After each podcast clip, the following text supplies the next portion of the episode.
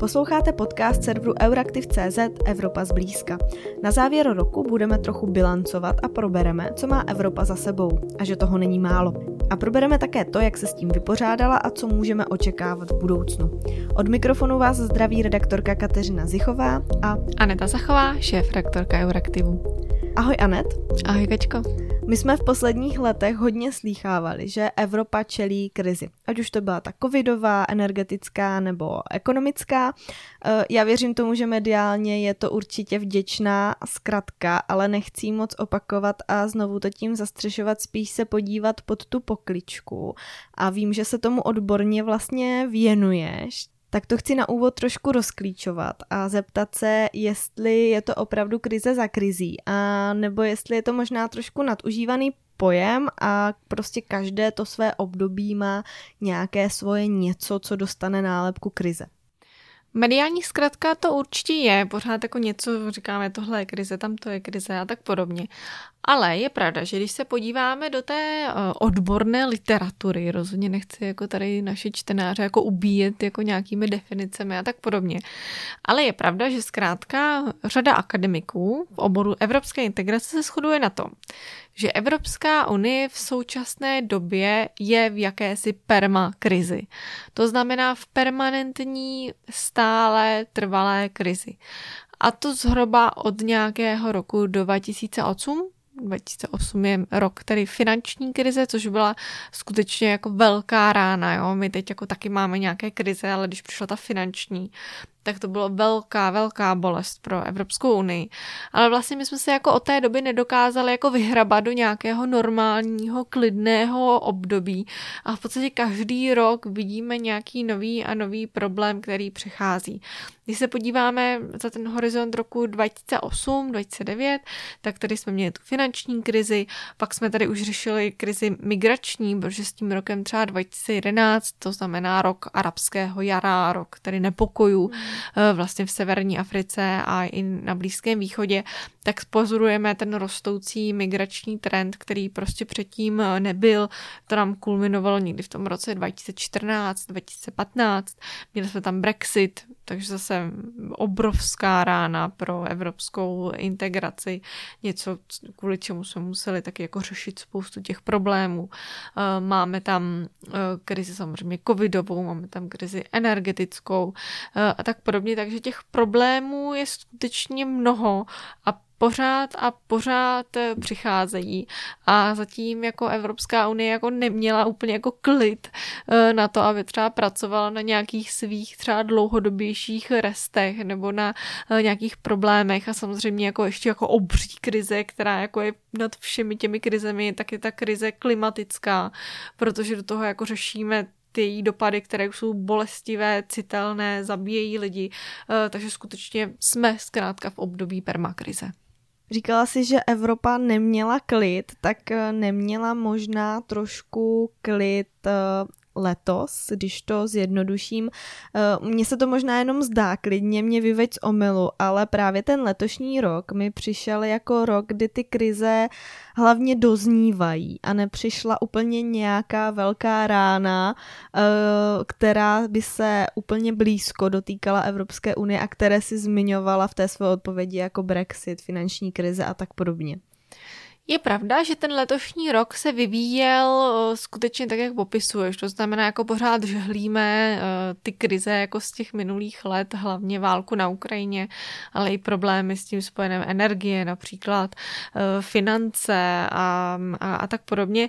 Každopádně to si myslím, že se změnilo 7. Eh, října, kdy eh, teroristé z Hamásu napadli civilní obyvatelstvo v Izraeli, eh, udělali ten naprosto barbarský útok a byť je to v současné době regionální konflikt na Blízkém východě, tak to zasáhlo Evropskou unii.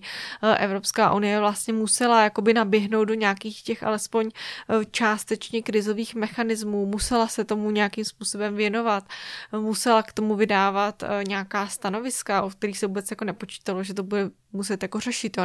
Nabořilo nám to tu klasickou agendu. Musela Evropská komise uh, se věnovat té, uh, řekněme, humanitární a rozvojové pomoci, kterou Evropská unie do Palestíny například uh, posílá a u které byly obavy, že tady končí v rukách Hamásu.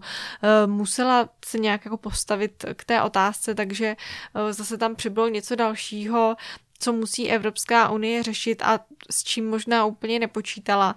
A zároveň byť je to tady regionální konflikt, tak má i velké dopady na Evropskou unii jako takovou, protože i zde žije spoustu, eh, spousta židovského obyvatelstva, spousta muslimského obyvatelstva, spousta palestinců, eh, takže vlastně to napětí eh, se přelévá z toho regionu do Evropy, roste, roste nám tady vlastně počet antisemických i islamofobních útoků, takže rozhodně to není jenom jako nějaká krize na Blízkém východě, ale je to krize, která jako má nějaký dopad a přelévá se i právě do Evropské unie, byť je třeba trošku jako geograficky stranou, tak pořád je to i krize, které se musí věnovat EU. Mm-hmm. A co si tedy Unie z té permakrize vzala a jak se jí podařilo s těmi ať už nedávnými nebo více dávnými eh, krizemi vyrovnat? Já si myslím, že Evropská unie každou tu krizi nějak přežila, nějak se s ní vypořádala, nebo alespoň řekněme uhasila ty největší požáry. Ale eh, zase, když se podíváme na tu akademickou eh, půdu, tak tam se mi teď mě nedávno zaujal takový koncept, který se jmenuje failing forward. Mm-hmm. Což vlastně znamená, že vždycky přijde nějaká ta krize, nějaký problém, který samozřejmě musí vyvolat nějakou reakci Evropské unie. Něco se musí stát na poli EU. Ale tím, že zkrátka členské státy nerady třeba propůjčují Evropské unii nějaké nové kompetence nebo nerady dávají třeba nějaké nové úkoly Evropské komisi, tak vždycky ty země se dohodnou na nějakém nejmenším společném jmenovateli, na nějakém, jako tím, na nějakém tom spíše provizorním nebo takovým tím jako nějak to ošetříme, ale nebudeme dělat nějaké moc větší kroky. Ale jak už jsem vlastně říkala eh, v těch předchozích eh, odpovědích, tak ono nás to jako doběhne vždycky. Takže my jako máme problém, máme krizi, dohodneme se na nějakém tom minimalistickém řešení, ale o to zase dříve nebo později zakopneme, ale jako zase jako posuneme tím trošku dopředu, jo. Takže my pořád jako přepadáváme vpřed přes ta naše polovičatá řešení, eh, ale nenájdeme nikdy schodu udělat fakt něco velkého, jo. Jako, nebo občas se to povede, aspoň nějaký jako významnější krok. Třeba u covidu, tak to byl určitě plán obnovy, jako málo kdo si myslel, že skutečně Evropská unie se dohodne na tom, že takhle hodně nafoukne ten evropský rozpočet, že si půjčíme 800 eh, miliard nebo kolik to bylo eur eh, na finančních trzích, to bylo případně nepředstavitelné. Mm. Takže nějaké ty kroky tam jsou ale nikdy to není úplně to největší řešení na stole, které se nabízí. A je to zkrátka tím, že pokud chceme, aby EU nějaké problémy a krize řešila, tak jí na to prostě musíme dávat ty kompetence, musíme jí na to dávat peníze, musíme jí na to dávat eh, vůbec jako nějakou tu sílu a tu jí prostě nedáváme. Takže tím jsme trošku jako odsouzení vlastně k tomu, že ta EU nebude nikdy schopná jako přicházet s nějakými jako giga řešeními na tady ty uh, velké problémy, které máme. Mm-hmm. Já jsem se přesně na tohle vlastně chtěla zeptat dál, protože v evropské bublině na to člověk narazí, na to tvrzení, že to jsou právě ty krize, které Evropou sunou dopředu a že až když jde do toho tuhého, tak se vlastně vybičuje k nějakým uh, rychlým, efektivním rozhodnutím a výsledkům. Uh, ty jsi mi tady teď odpověděla uh, na tuto otázku. Uh, řekla jsi mi i příklad Next Generation EU, tady tu společnou půjčku, i na ten jsem se chtěla ptát. Když bys ale měla trošku zalovit eh, v paměti za ten poslední rok, aby jsme trošku zabilancovali. Tak vidíš tam i něco ilustrativního, co se odehrálo letos? Letos, um, možná když se podíváme třeba na ten Izrael s Palestínou, tak vlastně místo toho, aby Evropská unie udělala nějaký velký krok a rozhodla se mít tedy nějakou tu velkou jednotnou pozici, která má schopnost třeba alespoň něco změnit. Eh, tak to se prostě nestalo. Uh, nestalo a nebyla vůbec k tomu ani jako vůle těch členských států. Určitě to není tak, že kdyby Evropská unie se dohodla, uh, řekněme, nějakým jednotném postupu vůči tomu konfliktu, takže by to prostě vyřešilo tu situaci na Blízkém východě, to rozhodně ne. Ale řekněme, dalo nám to jako možnost zase o tom pobavit a něco vymyslet, jako společně jako EU, že prostě jako budeme společně tračit na Izrael, aby, uh, řekněme, více chránil civilní obyvatelstvo v Gaze, nebo že budeme více společně tlačit na, na Hamas, že budeme podnikat mnohem větší nějaké aktivity uh, v Kataru, že budeme svolávat nějaké summity s arabskými zeměmi a takhle, nic takového se neděje. Takže to je zase ten další úkaz, že jako víme, že prostě tu jednotnou pozici k tomu konfliktu nemáme, takže my se dohodneme na uh, sousloví, že jsme pro humanitární přestávky, což je úplný bizár, uh, že to jako neznamená nic, není to ani jako, že voláme po příměří, ale jako prostě humanitární přestávka, jako co to je. Uh, ale jako dohodneme se na tom a zase to jako necháme, necháme bejt a ten konflikt samozřejmě bude pokračovat a EU by se k tomu měla vyjadřovat, ale my jako zase nebudeme mít ten prostě, ten, ten náboj, jo. Zase jako nedokázali jsme se k tomu postavit tak jako zodpovědní, jak by asi už se v dnešní době od Evropy jako kontinentu nebo Evropské unie jako nějaké jako světové mocnosti očekávalo. Mm-hmm. Uh, hodně se v poslední době mluví o tom, že by Unie chtěla hrát geopoliticky větší roli. Je to i takové téma uh, současné předsedkyně Evropské komise Ursuly von der Leyen. Uh, Eh, ty jsi zmiňovala eh, válku na Blízkém východě, to je velmi geopolitická záležitost a zmiňovala si eh, to, jak se vlastně kompromis rozmělní potom a máme tady třeba tvrzení typu humanitární přestávky. Určitě bychom takové příklady, řekněme, zjemnění nebo rozmělnění našli i ve schodě z minulosti okolo války na Ukrajině tak eh, je to tak, že Evropská unie prostě ústy těch lídrů vlastně geopolitická být nechce? Já si myslím, že možná Evropská komise chce, aby byla geopolitickou mm, nejen ta komise, ale celá Evropská unie. Ale členské státy to nechtějí. Členské státy chtějí být oni těmi hráči. Emmanuel Macron chce být ten, kdo pojede kamkoliv vyjednávat nějaký mír. Eh, chce to být i třeba německý kancléř, někam přijet a být tím hráčem. Eh, ale nechť jako úplně jako předávat tady tu jako roli té Evropské komisi, tak to se těm eh, členským zemím nechce. Možná je to částečně tím, že pořád jako řešíme, kdo teda tu Evropskou unii vlastně jako venku reprezentuje, jestli to je Ursula von der Leyen, jako nějaká jako nejvyšší úřednice vlastně, nebo jestli je to Josep Borel, což který prostě se mnohokrát neosvědčil jako nějaký jako šéf diplomat, nebo jestli je to Charles Michel, kterého prostě moc lidí ani nemá rádo, ale má důležitou funkci předsedy, předsedy Evropské rady, nebo jestli třeba ten jako předsedající stát Rady EU, který reprezentuje uh, Evropskou unii například na vyjednávání COP28 na těch klimatických konferencích, ale i třeba u těch jednáních uh, G, G7 nebo tady těch prostě Gček vlastně. Uh, takže já si myslím, že tak, jak Evropská unie je nastavená teď, tak ani jako geopolitická moc být nemůže, protože pořád bude čekat na ty členské státy, na čem se teda dohodnou, nebo na čem se nedohodnou. A bohužel teď je to tak, že jako velice často se nedohodneme na ničem jako velkém geopolitickém, co bychom pak mohli prostě prosazovat. Uh, máme většinou prostě jsme rádi, že se vůbec tady dohodneme, aspoň jako v rámci EU, jako na nějakým tom nejmenším jmenovateli a ještě to pak někde prosazovat ve světě, tak prostě to už by byl jako další, další úkol navíc, takže si myslím, že tu geopolitickou roli úplně ta Evropská unie nezvládá, ale je to tím, jak je zkrátka nastavená, nemůže se nikdy poměřovat rozhodně ani se Spojenými státy, ani s Čínou, ani s Ruskem, protože prostě není státem.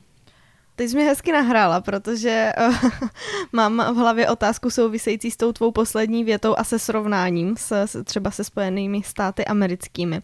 Padlo tady totiž to, že Evropská unie se díky krizím sune dopředu, ale ta řešení jsou často taková polovičatá a že pokud nechceme, aby byla poloviča, polovičatá, tak k tomu unii musíme dát kompetence. Je tou odpovědí na to vlastně cesta více směrem k federalizaci, nebo to možná jde i jinak?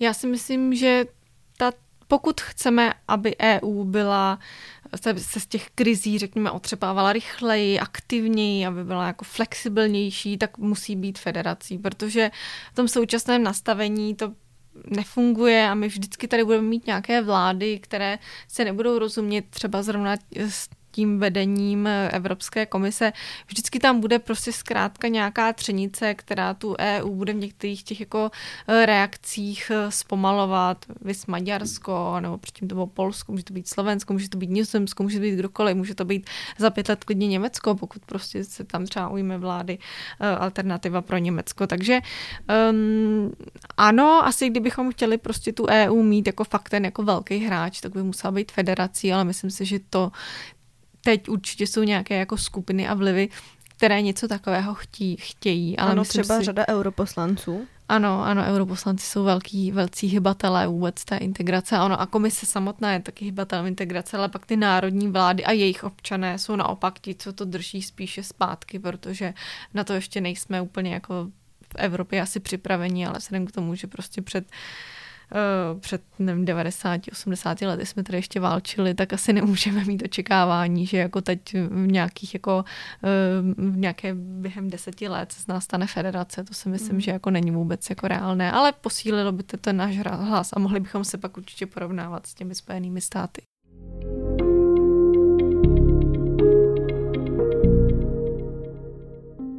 A co konec veta v zahraničně bezpečnostních otázkách? Na to si myslíš, že připraveni jsme? O tom se teď hodně mluví. A maďarský premiér Viktor Orbán teď na posledním uh, summitu Evropské rady v Bruselu ukázal sílu veta a jak si vlastně může vzít v klíčových otázkách zbytek Evropy trošku jako rukojmí. Tak myslíš si, že na to nazrává uh, těmi událostmi čas?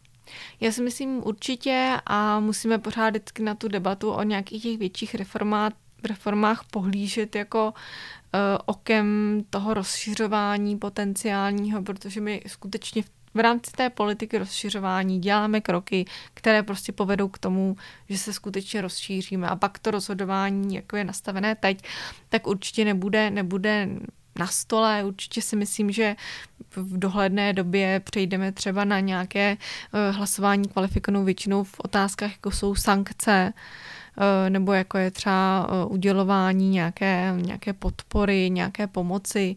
Tam jsou si myslím skutečně místa, kdy eh, tam k něčemu takovému dojde, protože už to zkrátka jinak nebude vůbec udržitelné. A myslím si, že to ani třeba není otázka té společné zahraniční bezpečnostní politiky, ale budeme přecházet na kvalifikovanou většinu i třeba v otázkách daňových, možná i rozpočtových, že prostě v některých těch oblastech se to zkrátka přesune právě do toho rozhodovacího modelu té kvalifikované většiny. A co ještě zajímavé je, že vlastně pokud se budeme rozšiřovat, tak budeme muset i měnit jako ten koncept té kvalifikované většiny, protože ta je teď počítaná vlastně na ano. 27 zemí, nebo 28 dokonce, tam se ještě počítá s Velkou Británií, ale to tam nebude, budou tam nějaké jiné státy, jiný počet obyvatel, takže stejně tam se bude něco zkrátka muset měnit. Mm-hmm. A změnilo se možná už něco do posud a teď to nemyslím tak, že by se měnilo něco procedurálně, že by se měnila nějaká pravidla, ale že by se ty, aspoň ty uh, nedávné krize podepsaly na tom fungování toho, jak se ta evropská politika dělá. Protože připomenu zase ten poslední summit, uh, měli jsme tady uh, událost a sice takovou, že Viktor Orbán, aby nevetoval, tak opustil místnost a mezi tím se zbytek lídrů shodli na tom, že uh, zahájí přístupové, uh, přístupové rozhovory s Ukrajinou a Moldavskem. Přitom na úrovni Evropské rady se toto nedělá. Známe to na úrovni rady, ale na Evropské radě ne. Je to tak, ono vlastně, Lisabonská smlouva je docela jako eh, krásný dokument, nebo vlastně, nebo takový kompilát, ale ona nám jako tam dává spoustu těch možností, které třeba jsme, myslím, neúplně jako uměli využívat dosud. Je pravda, že já si nepamatuju, že by někdy na Evropské radě se něco tady koncenzuálně odsouhlasilo na tom, na základě toho, že prostě jeden z těch premiérů, prezidentů, precedentek premiérek prostě opustili místnost, tak to, to jsme asi jako fakt dlouho svědky nebyli. Kdo ví, jestli vůbec teď jako, co máme Lisabonskou smlouvu. Takže ano, je vidět, že tam je čím dál tím větší nějaká poptávka po kreativnějších řešeních, nebo čím dál častěji se mluví i třeba právě o tom takzvaném konstru, o té konstruktivní absenci nebo konstruktivním nesouhlasu i právě v formátech eh, rady, tam se to využívá, to znamená na úrovni těch, těch ministrů. Eh, zároveň se mám pocit čím dál čím častěji mluví o té možnosti, že zkrátka pokud něco nejde schválit eh, tou jednomyslností těmi 27 státy, tak prostě těch 26 nebo 25 států si to udělá jako bokem od EU.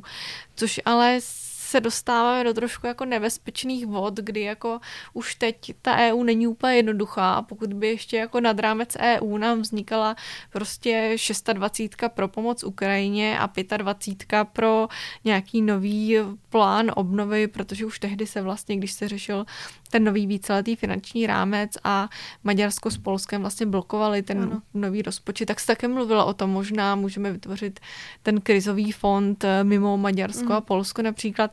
A obávám se, že pak by se nám ta jako EU jako hrozně rozdrobila na tady ty jako různá společenství a nemyslím si, že by to dělalo úplně dobrotu. Takže eh, jako nejlepší samozřejmě recept, recept je si to jako vyříkat, vysvětlit a najít ten koncenzus.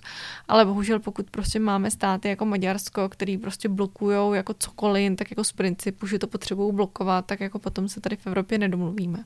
Mm, ono je trošku vlastně ironické, když se na to člověk podívá zpětně, že Maďarsko a Polsko nakonec ten fond nezablokovali ale stejně je tak trošku, zjednodušeně řečeno, částečně mimo ně, protože kvůli uh, poškozování právního státu Maďarsko a Polsko na ty peníze z toho fondu zatím nedosahuje, respektive do Maďarska má přitéct předfinancování, na které se ale ty podmínky nevztahují, týkající se uh, zlepšení právního státu. Takže to je možná trošku ironie. Uh, každopádně, uh, pokud je posledních více než 10 let Evropská unie v permakrizi, jak se to podepsalo na jejím vnímání mezi obyvateli? Já si myslím, že občané mají od EU mnohem větší očekávání, než může, řekněme, Evropská unie splnit. Když se podíváme na různé průzkumy, tak jako vždycky ty lidé říkají, jako co všechno ta Evropská unie musí řešit a že musí chránit klima a že musí bojovat proti terorismu a zastavit nelegální migraci a tak podobně. Co jsou jako ty velký cíle, které určitě jako očekáváme od všeho. Očekáváme to nejen od Evropské unie, ale i od našeho státu.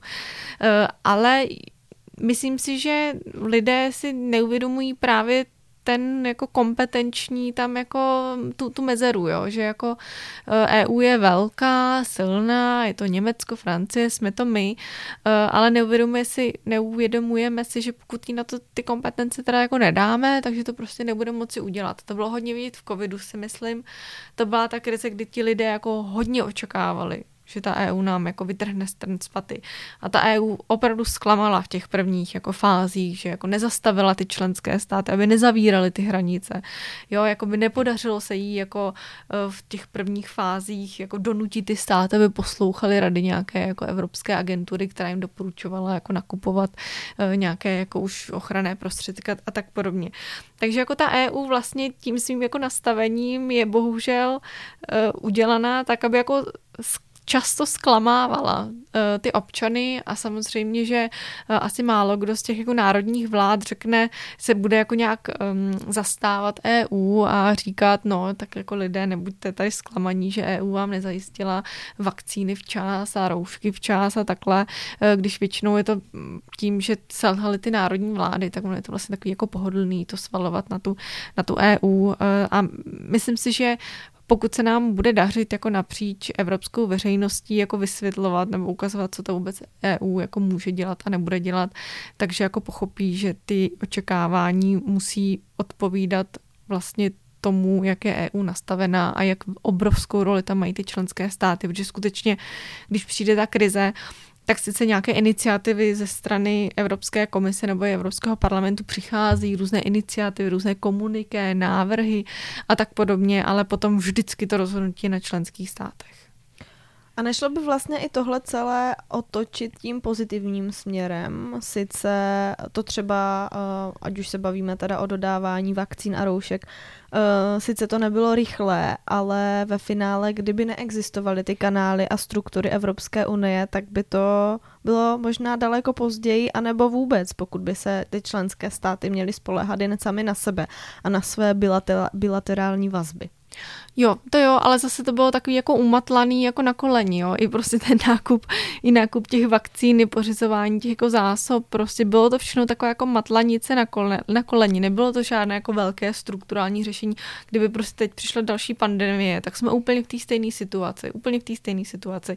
Sice jako potom jsme tady začali jako vytvářet nějaký jako krizový zásoby různých jako věcí a takhle, ale jako to znamená, že někde v rumunském skladu je prostě nějakých 100 tisíc něčeho pro nějakou mimořádnou situaci, takže jsme se jako spust, jako by očkrtli tu kolonku, mm něco jsme udělali, jsme jako, něco jsme se jako vyzbrojili víc, ale kdyby prostě jako v lednu prostě přišla, nevím, z jaké, jak, z jaké jiné prostě mimo evropské země, nebo i tady jako v EU, kdyby nám tady prostě vypuhla další pandemie nebo něco takového, tak prostě zase připraveni nebudeme.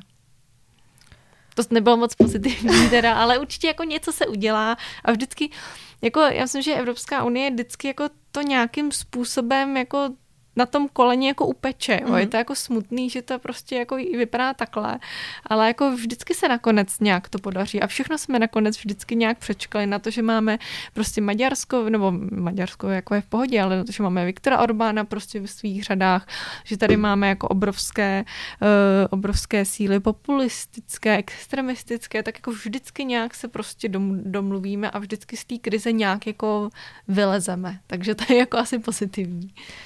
Otázkou i je, jestli eh, pokud se bavíme o eh, krizových řešeních, eh, jestli to, a obzvlášť Evropě, kde je v podstatě 27 zemí, 27 národů, které se mají na něčem dohodnout, vstupují do toho zájmy národních vlád, zájmy úředníků z komise, zájmy europoslanců, tak jestli to jde vlastně i jinak, než to trošku jako umatlat rychle na koleni.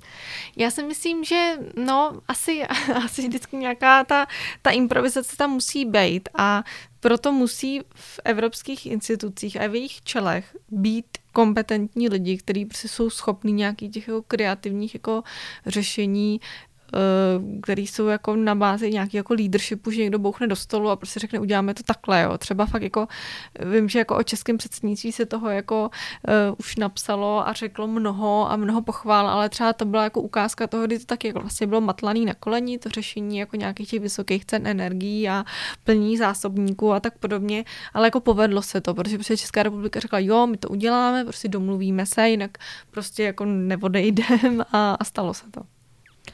Tak dnes jsme do toho trochu pozitivního. Eh, co příští rok? Máš nějaká uh, pozitivní uh, očekávání, protože třeba známé meme předvídá po pandemii covidu a válce příchod mimozemšťanů.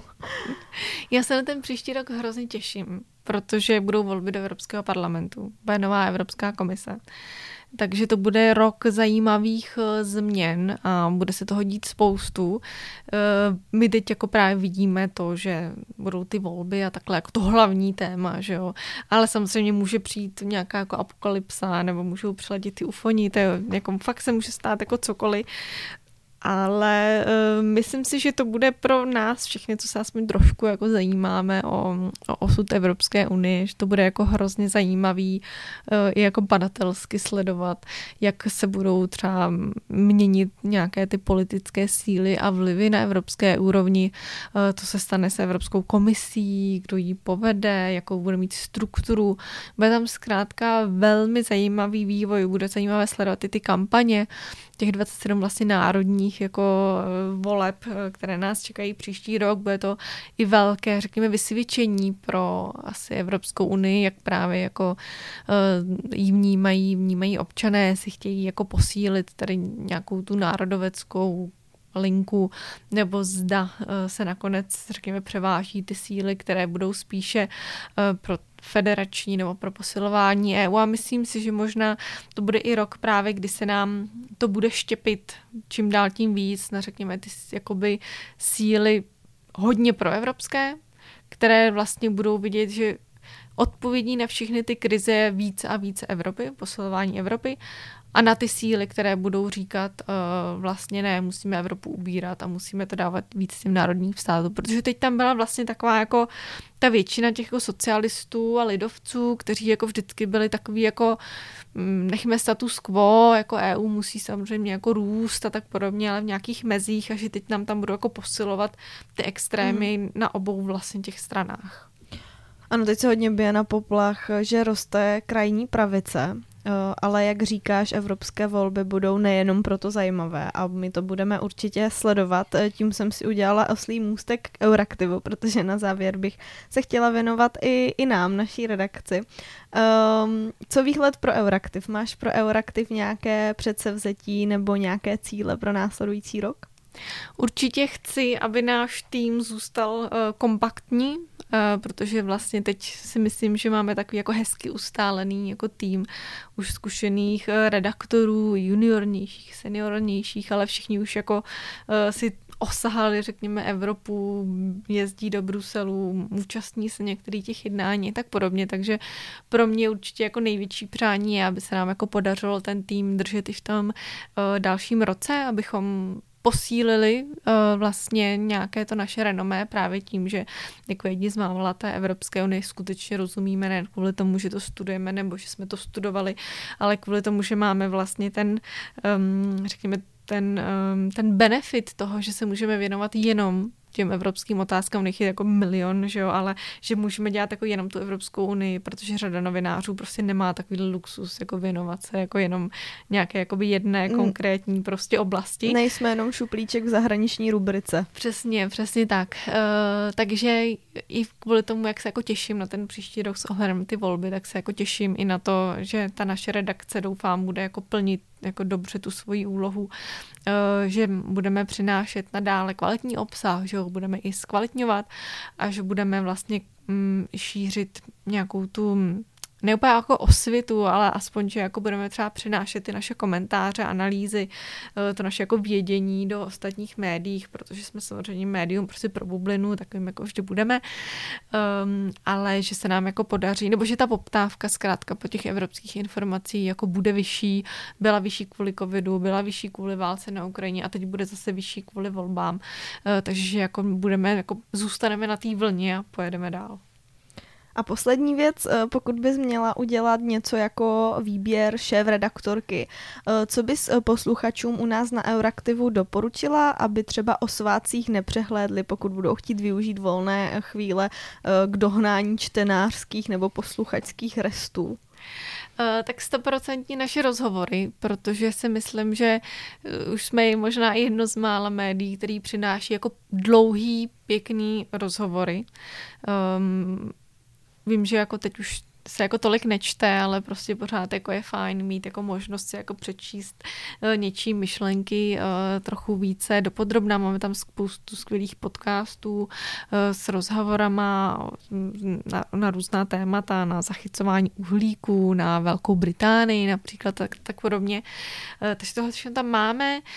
Co se týče ještě nějakých jako long reads, tak tam máme super fact sheety, máme tam krásný přehled teď třeba k rozšiřování, jako aktualizovaný, to znamená, pokud jako našeho posluchače zajímá, jako jak jsou na tom třeba jednotlivé ty státy, co se týče e, přistoupení k EU, jak si jim daří jako plnit nějaké té podmínky, tak to tam máme všechno zpracované.